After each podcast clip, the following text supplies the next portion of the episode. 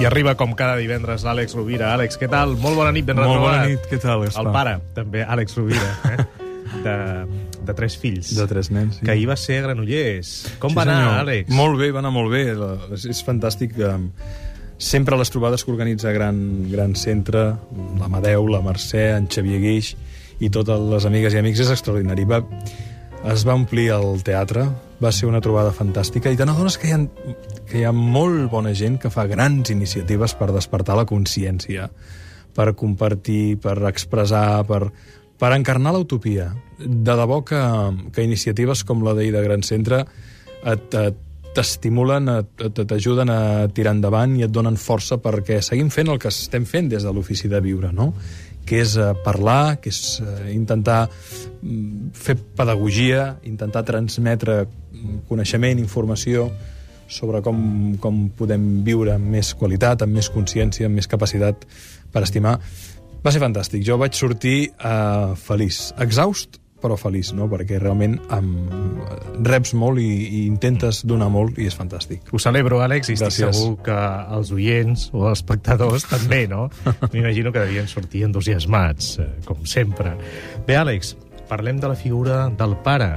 Eh, què és el que, per tu, quina és la funció del pare?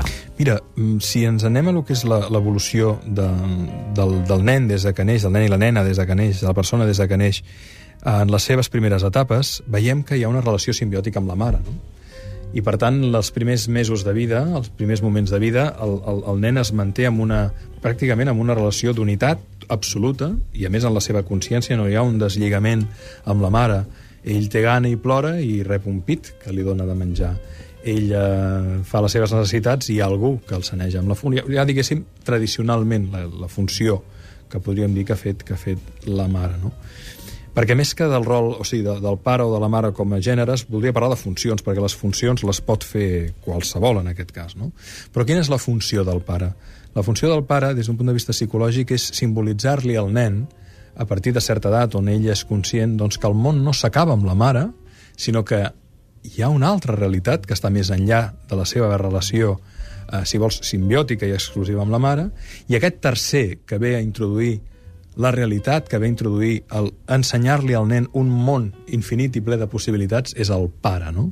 El pare, per tant, si la mare simbolitzaria la realitat primària, la, la realitat simbiòtica, la realitat necessària per començar-se a fer el nen un cop ha sortit del seu propi ventre, la funció del pare, eh, que la pot fer una dona, que la pot fer un home, la funció paternal, eh, és la del tercer que diu, ep, fill, estic aquí, aquí a aquest món. No?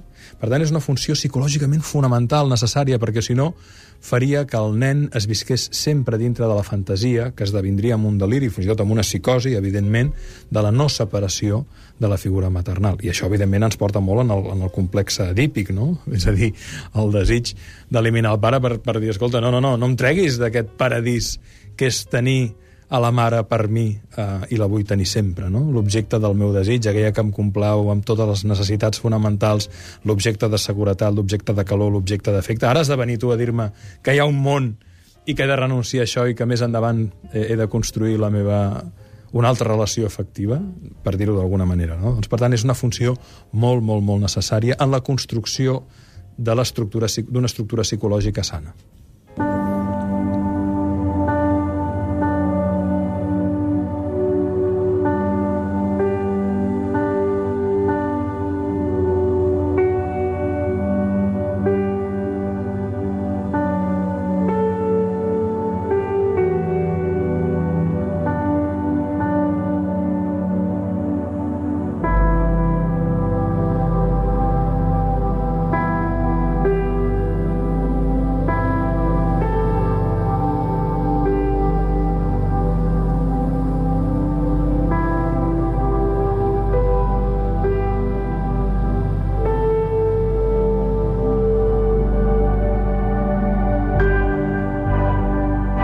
Què vol dir exactament posar-nos en contacte amb la realitat?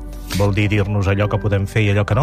Exacte, en, en bona part el pare simbolitza la llei. En cert moment és el que et diu, mira, això està permès i no està permès. També ho pot fer la mare, no? Però com d'alguna manera és el que ve a trencar aquesta relació simbiòtica, no només pot simbolitzar la llei, sinó um, com hem de fer les coses, eh, la informació sobre la realitat que, que ens envolta, el que ens posa en contacte amb la natura, el que ens posa en contacte i ens ensenya determinades habilitats. Jo crec que històricament, i això també depèn molt de les cultures, la funció parental ha estat molt vinculada més al desenvolupament de, certs, de, cer de certes habilitats o de certs hàbits i per tant el que, el que treuen el nen d'un aïllament del món ideal, del paradís, no? i li diu, mira, la realitat és aquesta, això es pot fer, ve a frustrar una miqueta, i per això de vegades es desitja matar el pare, no? perquè en el fons juga el rol i per això els pares, potser, com es deia abans, no? No, no podem confondre, pots tenir una molt bona relació i pots ser un gran amic, però ets el pare. No has d'oblidar mai que la teva funció és, és fer una funció determinada,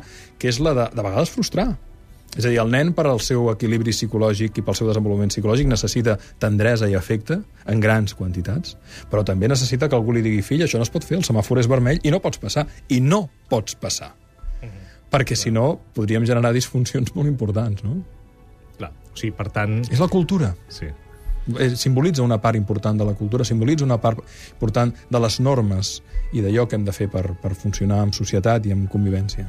L'Àlex Rovira, com cada divendres, a l'Ofici de Viure, amb una bufanda molt maca, que avui... Sí, la van regalar a la Fundació 11 i està feta per persones amb capacitats diferents. Ah, doncs no és preciosa. És preciosa. No la paraula discapacitat no és certa, són capacitats diferents perquè mira ah, estic molt d'acord. quin Sí, sí. talent tenen i la porto cada dia. Sí, sí, és que necessitem uh, lèxic nou. Hem en de redefinir el sentit. llenguatge, Gaspar. Sí, senyor. perquè... I hauríem de fer un capítol per canviar, buscar paraules que ens ajudessin a dir, a dir eh, a través d'una manera molt més sana, eh, Sí.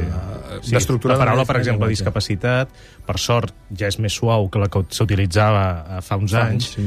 però clar, discapacitats ho som tots en molts àmbits. Correcte, per això tenen capacitats diferents. Clar. Mira quina meravella. I m'ho diu molta és gent, preciosa, eh? sí. És, i a més, és, no preciosa. sé, me l'estimo molt. La ONCE que està fent una gran tasca. Una gran, gran tasca social. Moltíssimes gràcies, Gràcies, Àlex. Fins divendres. Una abraçada. Gràcies.